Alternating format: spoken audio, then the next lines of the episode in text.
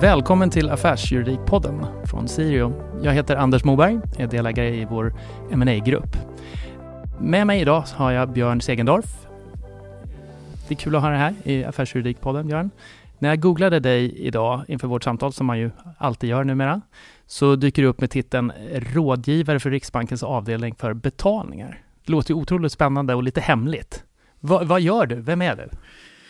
Eh, ja, eh, Björn Segendorf som sagt var. Eh, jag är till och med senior rådgivare på Riksbanken, vilket är ännu värre än att vara rådgivare, för om man arbetat där på tok för länge brukar jag liksom skämta. Som.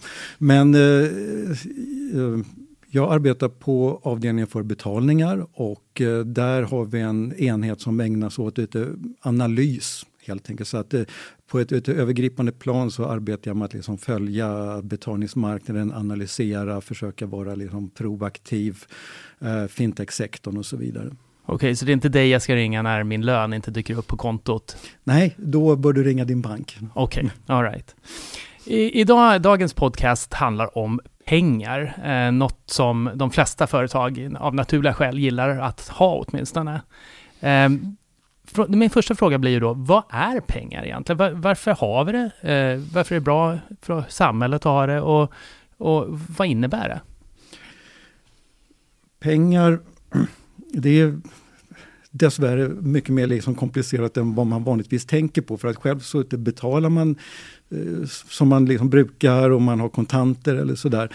Men pengar har, de, de fyller eh, tre stycken roller i samhället. Och eh, den första är ju som ett betalningsmedel då man överför ett eh, monetärt värde från en part till en annan genom att eh, överlämna sedel eller man gör en kontoöverföring eller så. Sen så fyller ju pengar också rollen som uh, ekonomisk måttstock. För att uh, svenska kronor är ju det måttet som vi har på värdet på varor och tjänster. Väljer du mellan att vet, köpa kanelbulle eller wienerbröd i kafeterian så ser du ja, bullen kostar 10 kronor, wienerbröd 15 kronor. Är, är jag villig att liksom betala det här eller inte? Så att, eh, på det sättet så är ju pengar den här måttstocken som vi hela tiden använder och eh, utgår ifrån. Sedan fyller pengar också rollen som eh, eh värdebevarare de pengar som du inte köper upp idag, spara du och så att du kan använda dem nästa vecka, nästa månad, nästa år. Du kan ha liksom kontanter i eh, madrassen eller du kan ha pengar på ditt bankkonto. Men där lagrar du ett värde. Sen är ju pengar också en eh, institution. Det är ju så filosoferna ser på det. Och med institutioner så kan man tänka sig att vi har kommit överens om att det är så här som vi betalar i Sverige. Här använder vi svenska kronor. De ser ut på ett visst sätt. Alla känner igen dem och alla använder dem. Eh, det är på det sättet som de utgör en liksom betalningsstandard inom landet. Ifall, ifall, ifall jag skulle använda euro och det över svenska kronor så det skulle det plötsligt bli mycket krångligare för oss att uh, uh, göra den här betalningen för då så måste ju någon växla emellan. Så att uh, på det sättet så är ju också pengar en ett betalningsstandard. Mm. Och pengar i sin tur bygger på ett förtroende för den som har utgivit dem. Så att du inte litar på din bank eller du litar på Riksbanken. Och Därför har vi väldigt mycket regleringar kring banksektorn. Och eh, det är också därför Riksbanken har ett uh, inflationsmål. Ja, just det, för du, du nämnde det, värdebevarande. Men om vi tittar på, det finns ju många exempel i historien. Tyskland under 30-talet, Argentina under ja, 80-90-talet med väldigt stor inflation. Exakt. Där värde, alltså du har jätteproblem med att pengarna inte har något värde. Pengarna behåller inte sitt värde utan du vill liksom konsumera upp dem på en gång. De funkar väldigt dåligt som eh, måttstock för att liksom, eh, värdet på, på dem ändras så pass fort. Och eh, som i liksom Tyskland då, skulle du köpa en liten limpa så fick du lämna över eh, um, flera kilo sedlar. Så att de fyller ju inte rollen heller då som ett eh, liksom smidigt betalningsmedel. Och det som brukar hända i länder där allmänheten förlorar förtroendet för de inhemska institutionerna, det är att man genom att använda andras pengar importerar fungerande institutioner. Så att det är därför vi ser dollar kan användas i vissa länder, eh, ehm, schweizerfrancen, eh, euron har en eh, stark ställning och så vidare. Man importerar andra länders institutioner när de egna inte fungerar. Mm. Men okej, okay, och i Sverige då, vem, vem, är det som egentligen ger ut pengar? För jag vet ju att det finns ju egentligen två sorters pengar. Det finns riksbankspengar och så finns det privata bankpengar eller vad man nu brukar kalla det.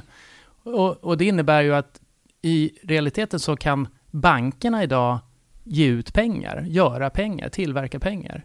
Hur, hur kommer det sig och hur funkar det i vårt samhälle? Hur, hur går det ihop? Hur blir det inte för mycket pengar? Ja, um, mängden pengar styrs som du säger utav bankerna först och främst. Uh, de uh, statliga pengar som allmänheten har uh, tillgång till, det är ju sedlar och mynt. Och det finns idag uh, runda slänga 60 miljarder kronor ute. Uh, om man ser på bankernas kortfristiga inlåning som är de pengar som allmänheten och liksom företag har och som är eh, likvida och kan användas, då är det en bit över eh, 300, eh, 3000 miljarder kronor. Så att eh, nästan alla pengar som finns ute i eh, samhället är på ett eller annat sätt skapade utav banker.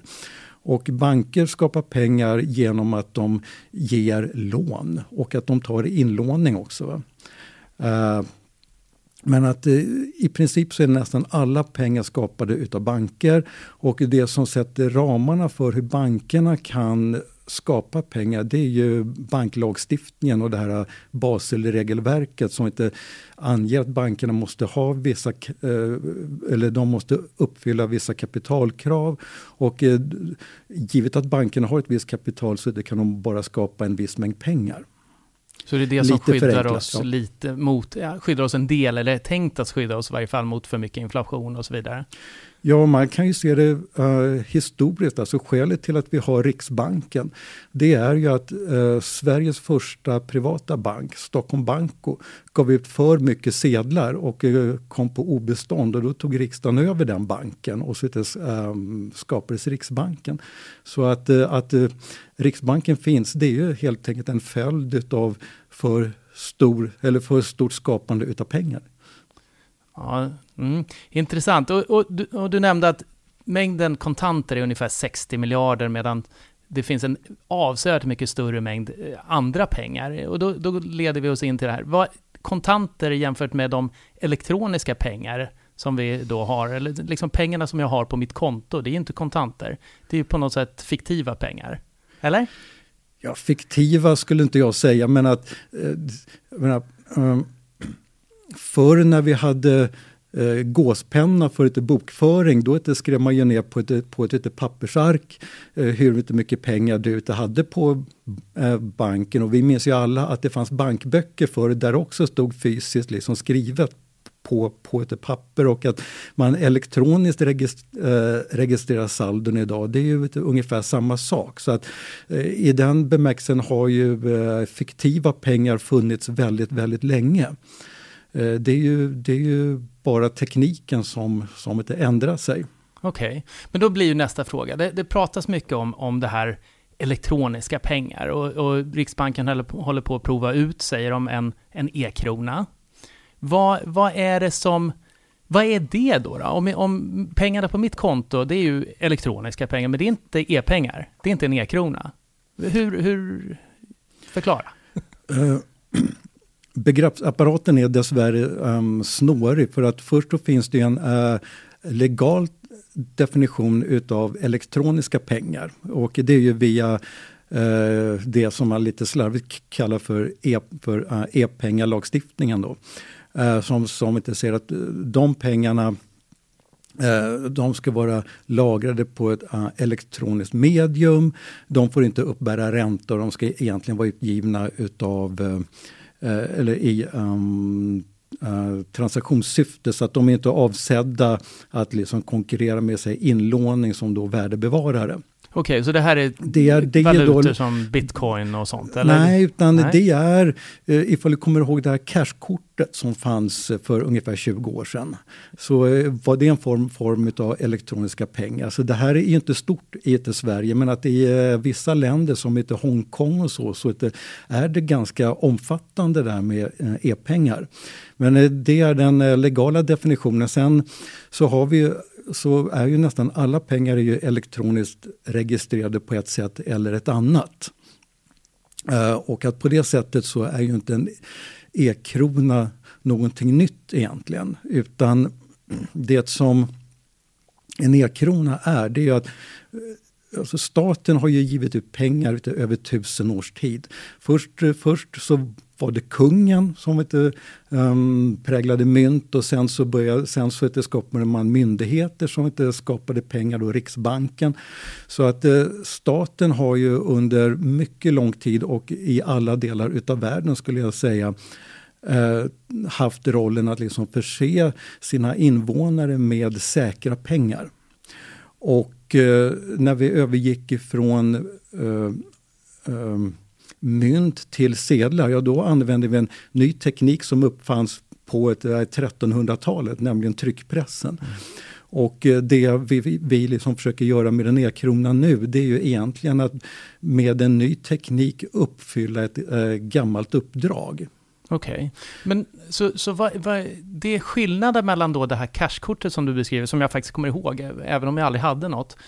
Eh, skillnaden mellan pengarna på det kortet och den e-krona som man håller på att skapa, vad, vad, är då, vad innebär skillnaden? Vad är skillnaden?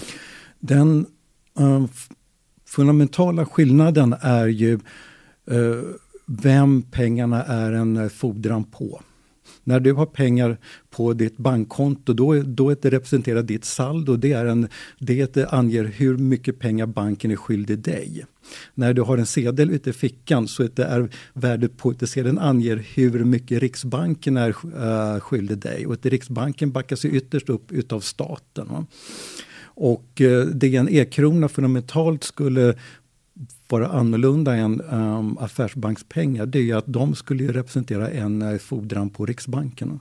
Och varför är det bättre för samhället? Uh, det är viktigt på det sättet att i, uh, idag är ju kontanter är ju den enda form som allmänheten kan inneha utav uh, statligt utgivna pengar. Och Riksbanken kan inte gå i Eh, konkurs vilket innebär att den fordran är helt säker. Det är aldrig affärsbankspengar. Vi kan inte via lagstiftning göra det mycket säkert med att vi vet alla att då och då så går det till banker omkull och det är också därför som vi har insättningsgarantin. Just det. Uh, så att där har den lite liksom fundamental skillnad. Och uh, då skulle det ju vara, och det här är mina egna tankar, eh, det, det, att eh, liksom utan att medvetet fatta beslutet långsamt gå emot ett liksom kontantlöst samhälle eller mot ett samhälle där allmänheten inte längre har tillgång till säkra pengar. Det är någonting som vi inte vet hur ett sådant samhälle fungerar. Mm. För att eh, vi kan inte titta på något annat land digitaliseringen är ju väldigt långt uh, framme i Sverige och Norge, de här nordiska länderna. Och så så att uh, det skulle vara ett litet samhällsexperiment. Mm. Väldigt stort sådant. och Därför, ytterst så är det ju därför som vi undersöker möjligheten att ge ut en e-krona.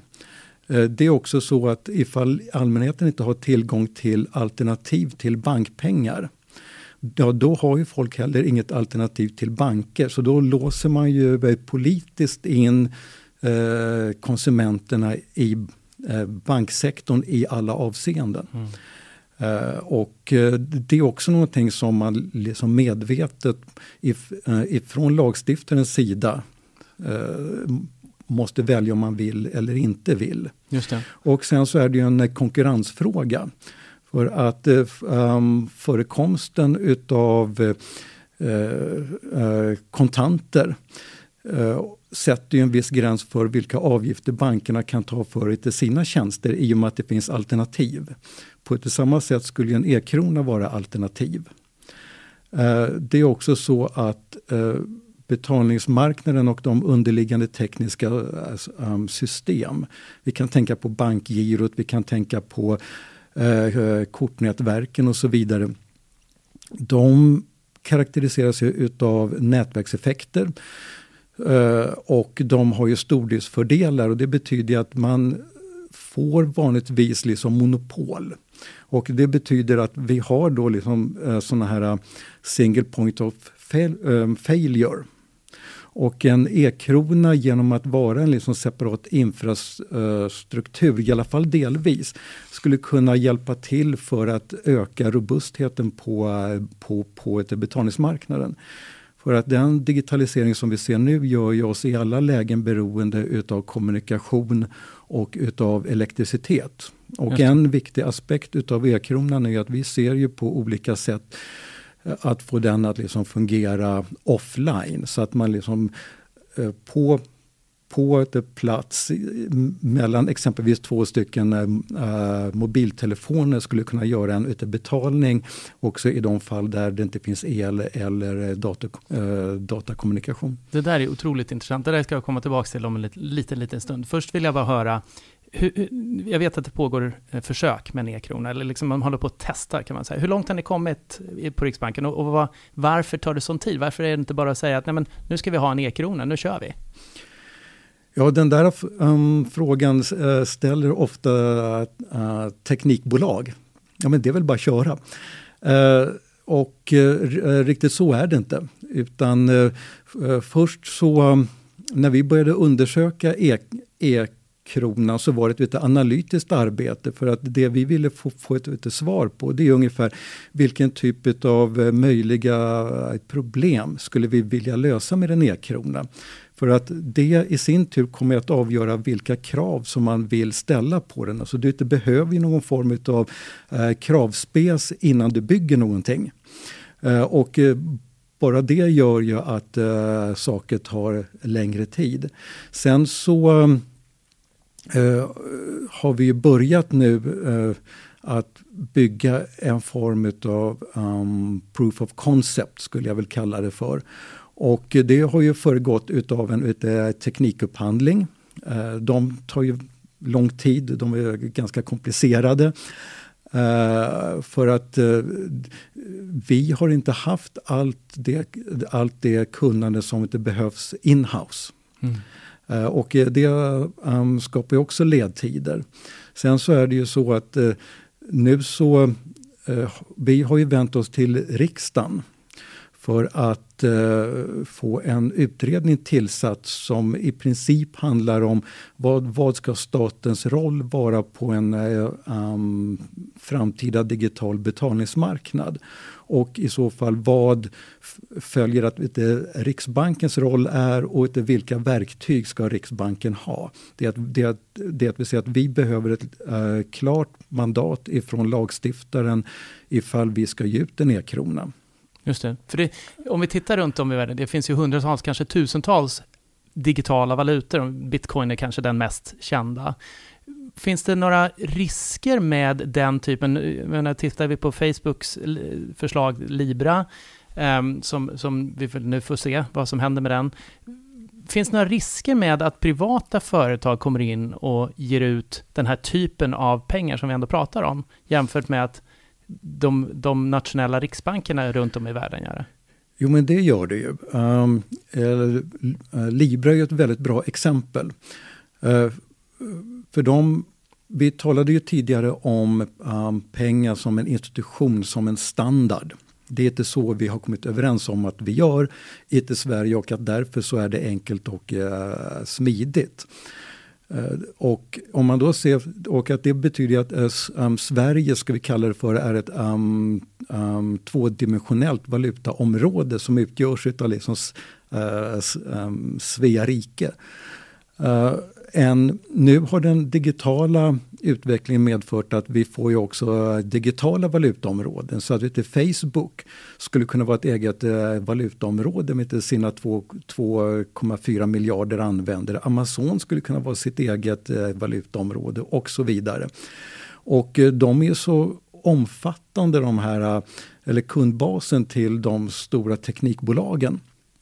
Att det här skulle ju kunna Eh, konkurrera med eh, vissa nationella valutor. Speciellt i de länder där inte institutionerna fungerar eh, perfekt. Mm. Och det i sin tur betyder att då skulle man ju ge upp en demokratisk kontroll utav pengar. Man, sk man skulle liksom förlora förmågan att föra penningpolitik och så vidare.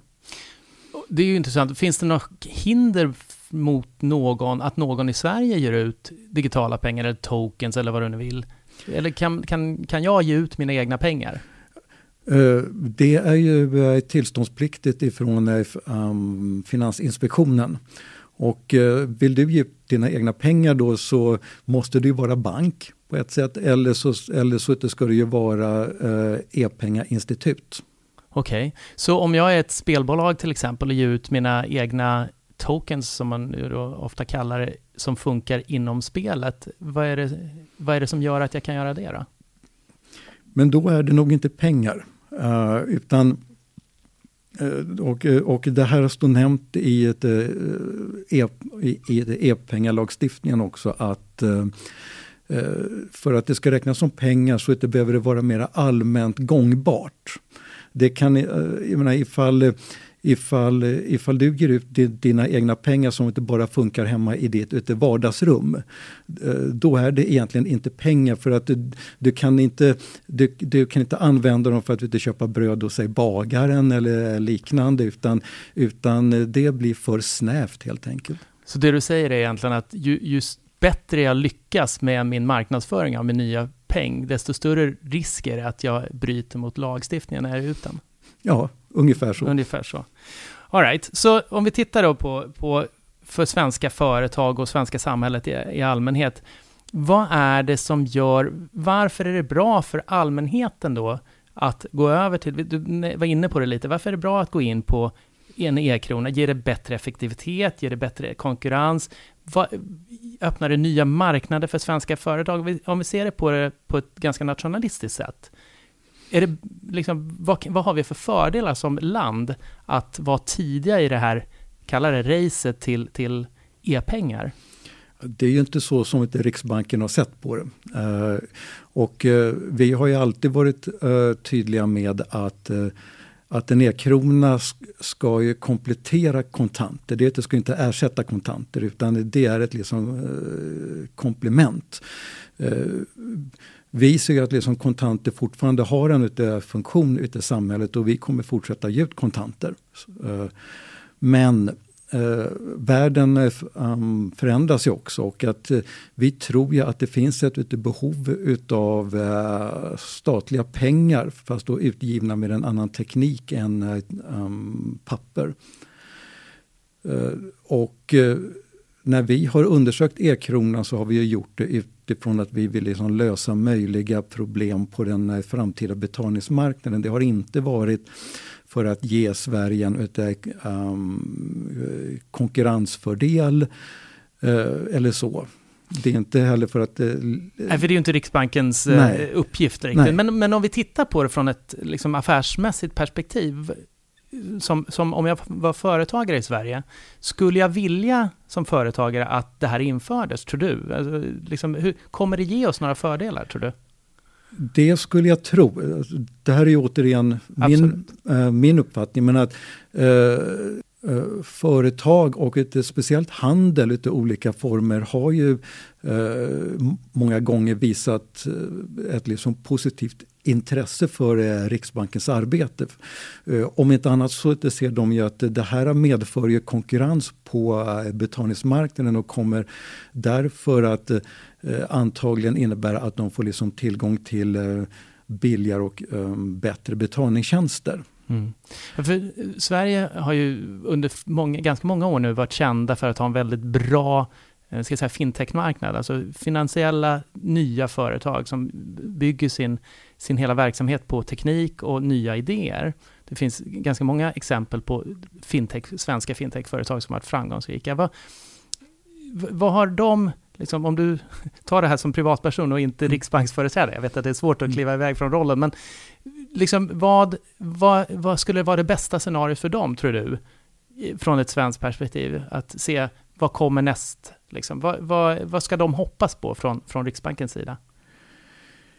Ja, de ska väl hoppas på att vi får lagliga möjligheter att eh, ge ut en eh, e-krona. Och att eh, då måste man nog då är det nog inte e-kronan som pengar som är det viktiga för dem. Utan det är ju det att genom att ge ut en e-krona så behöver Riksbanken också bygga en um, finansiell infrastruktur.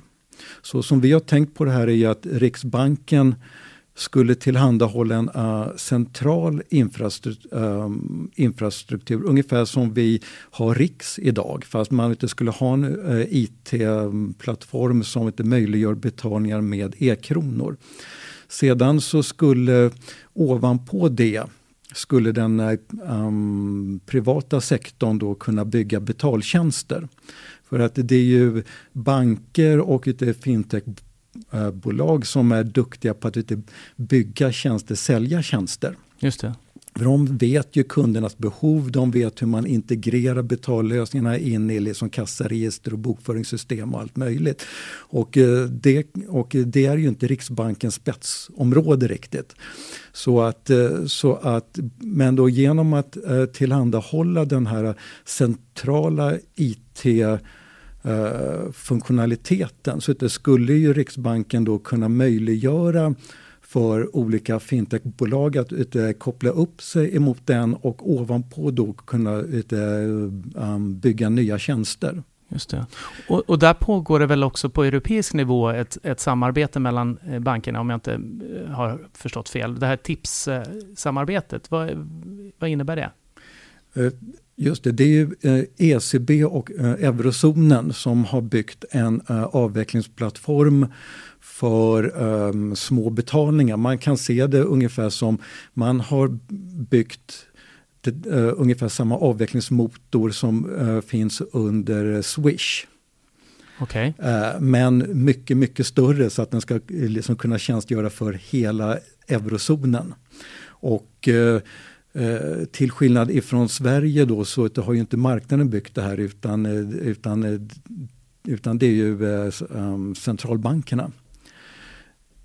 Och där har ju Riksbanken har ju nu annonserat att vi ska ansluta oss till den tjänsten för att vi ska kunna erbjuda en avvecklingstjänst för enskilda betalningar i um, svenska kronor. Mycket intressant. Och, och, om vi då tittar på, låt oss då säga att nu vi går, hur, långt, hur, hur länge kommer det ta innan vi har en e-krona? Bara på en gissning. Ja, um, min egen gissning skulle vara kanske fem år. Fem år, all right. Så låt oss gå fem år in i framtiden. Då finns det en e-krona. Och så blir det strömavbrott. Häromdagen, eh, ett par dagar sedan, så var det ett stort strömavbrott på Södermalm. Eh, helt plötsligt så var det ingen som kunde betala med annat än kontanter just. Eh, kommer, kommer vi ha några problem med att betala om fem år? När det inte längre finns, när det finns ännu mindre kontanter ute i samhället av den gamla papperstypen?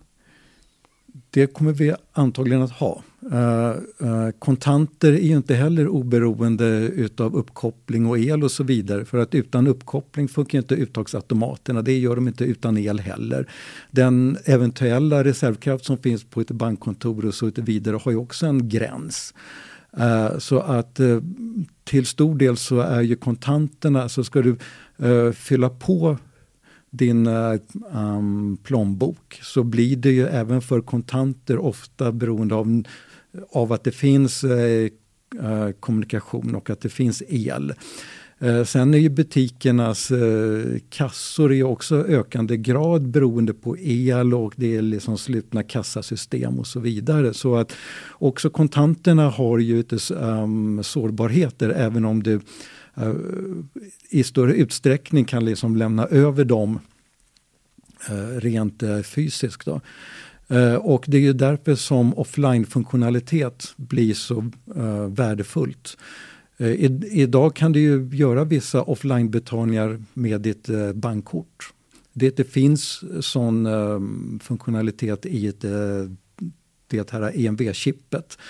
Och eh, där kan då din bank sätta vissa parametrar. Sen så beror det på vilket avtal handelsmannen har med sin inlösare och vad inlösarens och, och vad, den, eh, och vad olika banker medger och så vidare. Va? Men att ibland när du använder ditt kort så det står det sänder lagrad eh, transaktion och då har någonting skett offline innan.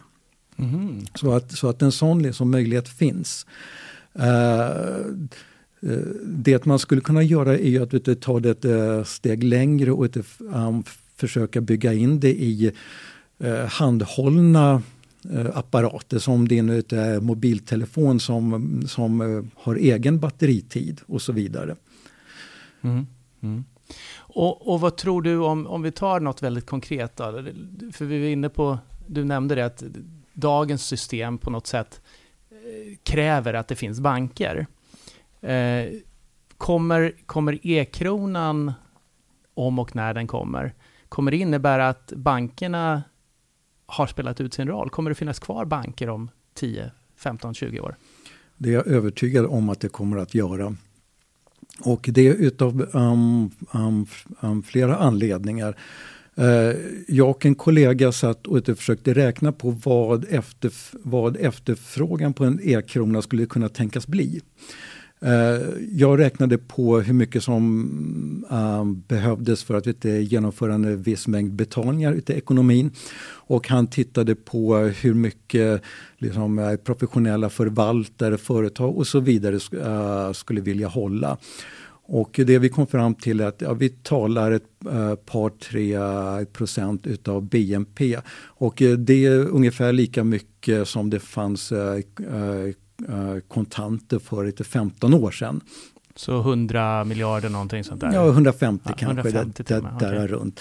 Uh, och uh, ett exempel på varför det inte behövs mycket det är ju att uh, ifall du ser på det gamla postgirot uh, slutet på 90-talet hade ju de över halva marknaden. De omsatte liksom två och en halv gånger BNP i ett, det Eh, Eh, systemet. Alltså det var då 5500 miljarder och den, och den eh, inlåningen som de hade var i då eh, genomsnitt cirka 30 miljarder.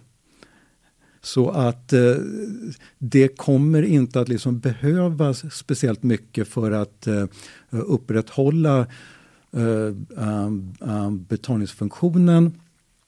En e-krona Eh, Eh, kommer ju med all sannolikhet också att du ha en lägre ränta, ifall den ens har ränta, än, än vad inlåning på ditt um, bankkonto har. Bankerna kommer ju vilja konkurrera om, om, om, om uh, inlåningen. Och uh, det betyder ju att uh, det skälet som förvaltare har att vet, hålla en e hålla en e-krona, det är ju ungefär det att de vill ha en liten del i sin portfölj som är en eh, likvid och eh, säker tillgång. Men liksom stora delen utav inlåningen också skulle med all säkerhet stanna kvar hos bankerna. Okay. Ska man ju också minnas att ute, bankerna kan ju erbjuda ett helt um, spektrum utav tjänster. Det är inte bara det att de ger, ger det ett Eh, konto för din inlåning. Utan de kan ju också ge dig lån, de kan eh, tillhandahålla andra finansiella tjänster så att de, så att de kan ju liksom paketera och tillhandahålla ett, ett helt eh, ett paket utav tjänster på ett sätt som inte en uh, e-krona kan. Mm.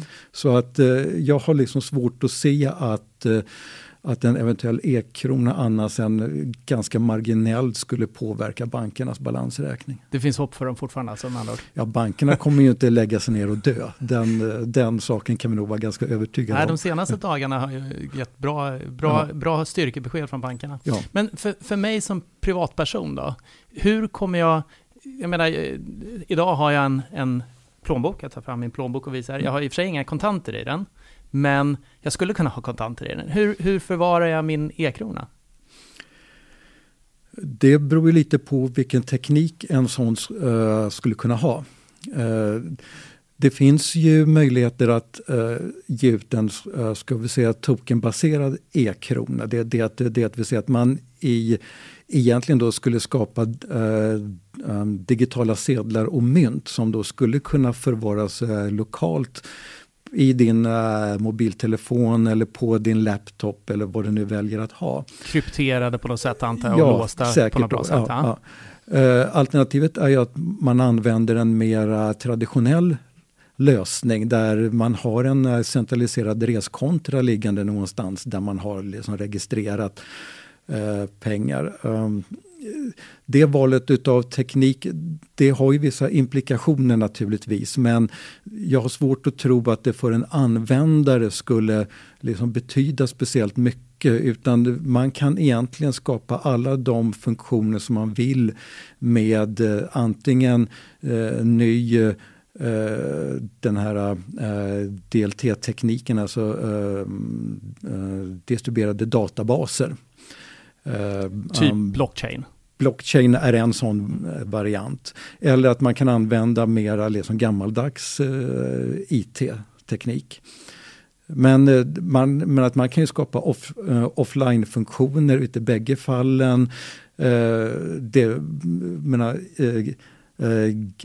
gränssnittet emot användaren kan ju fortfarande se att det är likadant ut och så vidare. Alright, om vi tittar nu, på, återigen tillbaks till eh, affärerna och, och det våra klienter håller på med, att skapa, skapa affärer och skapa ja, välgång och framgång och sådär. Hur, hur ska vi hjälpa våra klienter att ta tillvara den här tekniken som kommer? Vad, vad, vad, skulle vara ditt råd för en affärsidkare av egentligen vilket slag som helst? Hur ska man, vad behöver du ha koll på? Och vad är det för typ av tjänster och sånt som kommer nå framgång i framtiden? Naturligtvis en otroligt svår fråga, men vad, tror du? Vad, vad, vad, är det liksom det nya, om vi använder då Klarna som exempel, det nya Klarna, vad kommer de syssla med? Det är ju otroligt svårt för mig att inte ha en uppfattning om. um, det jag tror vi kommer se det är att betaltjänsterna integreras allt mer i andra tjänster. Eh, man kan tänka sig um, smarta kontrakt så att eh, när du köper någonting över nätet så sker automatiskt ännu ett betalning när den saken har liksom landat i, i, i, din brevlåda eller hos ditt liksom lokala ombud och så vidare. Så att, min gissning är att du som konsument i mycket mindre utsträckning aktivt kommer att liksom behöva eh, initiera betalningar. Det här blir en del av köpupplevelsen. Det och, att det, och att det har ju ett äh, värde också för de som vill sälja naturligtvis. Just det. Och den tekniken finns ju egentligen redan idag. Jag menar, ja. du skulle ju kunna bygga ett system där när du är har tagit emot varan och så att säga kvitterat, ja men titta den är hel och, och ren och det, det, är vad jag ja. hade tänkt mig, så kvitterar du och då sker allting automatiskt. Varför, varför, tror du, varför gör, gör man inte det idag redan? Det uh, skulle man säkert kunna göra. Men uh, jag tror att det finns ett par anledningar. Uh, först så är det ju att om man ser till de betalningssystem som finns idag så de är byggda med en teknik som är liksom 15 år gammal. När man väl bygger en infrastruktur så har man gjort en stor fast eh, eh, kostnad. Man har, man har tagit den. Och då är det ofta ekonomiskt lönsamt att liksom fortsätta driva det här eh, eh, systemet tills, tills dess att dess ekonomiska livslängd är slut. Och det tar eventuellt 15 år, 20 år. Så att det betyder att vi blir per definition sittande lite grann med liksom förra generationens teknik. Vad en e-krona skulle kunna göra då i och med att eh, det skulle vara en, en nyinvestering i en ny infrastruktur. Det är att möjligtvis tillhandahålla en uh, mera eh, modern underliggande teknologi. I alla fall under ett par års tid innan så att säga, marknaden har återin, in, äh, återinvesterat i äh, sin egen infrastruktur. Just det, för du, du nämnde rikssystemet. Det ja. innebär ju att jag antar att Riksbanken kommer också behöva investera ganska stora summor i att bygga det som, det som system så att säga, som ska ligga till grunden för det näringsidkarna ska bygga på? Jag, jag vet inte vad det skulle kunna kosta men att det, det här är också beroende på hur man väljer att göra. Alltså den eh, eh tekniken som eh, vår teknikpartner använder idag det är ju eh, DLT. Och då är det ju eh, Korda som är en egentligen open source eh, eh, mjukvara. Eh, men att det skulle ju då betyda att en hel del utav funktionaliteterna skulle ju köras hos de som bygger tjänster ovanpå e-kronan. Och eh, då kanske det skulle minska Riksbankens kostnader. Det skulle ju självfallet liksom skapa kostnader någon annanstans.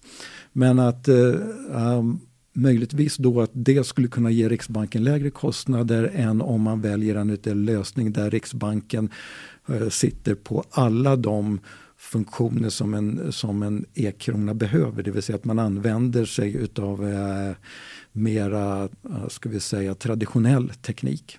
Just det. En sak till jag vill, vill nudda vid innan, innan vi rundar av. Det är, med en, om jag går ut på stan idag och har med mig pengar, eh, kontanter ska jag säga. Då kan jag gå ut, jag kan gå och handla ett par skor, jag kan gå och handla egentligen vad jag vill, med, så länge jag har pengar. Och i efterhand så är det ingen som kommer kunna se att ja, men det här har du köpt. Eh, då och då köpte du det här och det här. Med en e-krona, är det inte så då att vem som helst kan se vem, vad vem som helst har köpt när som helst? Jag menar, det, på något sätt med en e-krona måste man inte ha ett övervakningssystem som hela tiden håller koll på vem har vilka pengar och när används de och hur används de. Så finns det med andra ord, finns det inte en risk att över, var och en av oss som privatpersoner kommer övervakas hela tiden? Den typen av funktioner finns ju hos bankerna redan idag.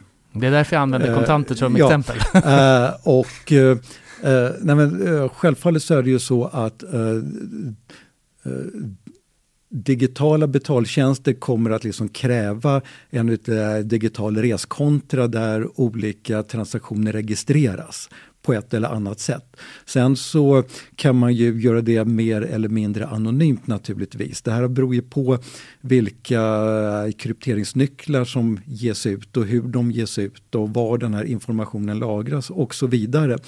Men eh, jag har väl personligen svårt att se att eh, Riksbanken skulle ge ut ett eh, digitalt betalningsmedel som inte uppfyller samma krav som vi ställer på ett bankerna när det gäller liksom penningtvättsgranskningar och så vidare. Eh, och, eh, men sen så betyder det inte att eh, den här informationen ligger hos sig Riksbanken. Utan eh, om man tänker sig att vi har en sån här modell där eh, olika funktioner utav e-kronan körs ute hos de eh, betaltjänstleverantörer som har byggt tjänster ovanpå e-kronan. Då är det också där som säg, penningtvättsgranskning kommer att ske på samma sätt som idag. Och eh, då skulle man kunna bygga det här så att inte Riksbanken ser vem som gör vad.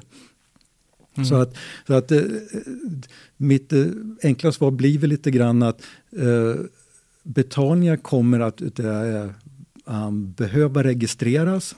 Så är det överallt.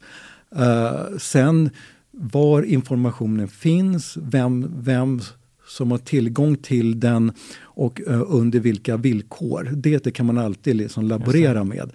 Uh, men det, det, känns ändå lite som en, en önskedröm för en auktoritär ledare att nu jäklar, nu har vi koll på allting som sker i samhället. Tidigare när vi hade kontanter, då hade vi faktiskt in, det fanns en stor del av, av verksamheten ute där i samhället som vi inte har koll på. Men nu när vi bara har e-pengar, då har vi koll på allt. Ja, jag, jag, jag, jag, håller nog inte med om det. uh, uh, självfallet så är det ju så att din förmåga att vara anonym försvinner ju lite ifall du går bort ifrån äh, kontanter. Sen är du, menar, som idag när du använder bankerna, du är inte anonym emot din bank exempelvis. Uh, men det som skiljer Riksbanken ifrån affärsbanker det är att vi har ju inget eh, ska vi säga, kommersiellt intresse utav datan. Vi kan antagligen mera trovärdigt förbinda oss i att inte använda datan på, på ett vissa sätt. Mm. Och man skulle, och att det, det, här är bara mina egna tankar, att man skulle ju, if, när någon köper e-kronor så är det liksom en del utav avtalet exempelvis att eh, vi kan inte se på datan annat än ifall det finns en säg, eh, domstolsbeslut för att man liksom misstänker att här så finns det någon form av liksom brottslig verksamhet under. Mm. Så, att, eh, så att det här kan man alltid liksom laborera med. Men det låter ändå som att integritetslagstiftning, typ GDPR och sådär, kommer bli ännu viktigare i framtiden än vad vi kanske än vad den är idag. Ja, det är ju en följd av att vi går emot ett äh, digitalt samhälle. Just det. Just det. Strålande. Jag vet inte, jag tycker att jag har lärt mig massor. Det är otroligt eh, spännande det här området måste jag säga, men det, jag har lärt mig massor. Tack så mycket för det. Eh, så jag tror vi avslutar där och, och tackar för idag Björn Segerdorf från, från eh, Riksbanken. Tack så mycket. Tack själv. Och som sagt, prenumerera gärna på vår podd. Ni hittar dem där poddar finns. Tack för idag.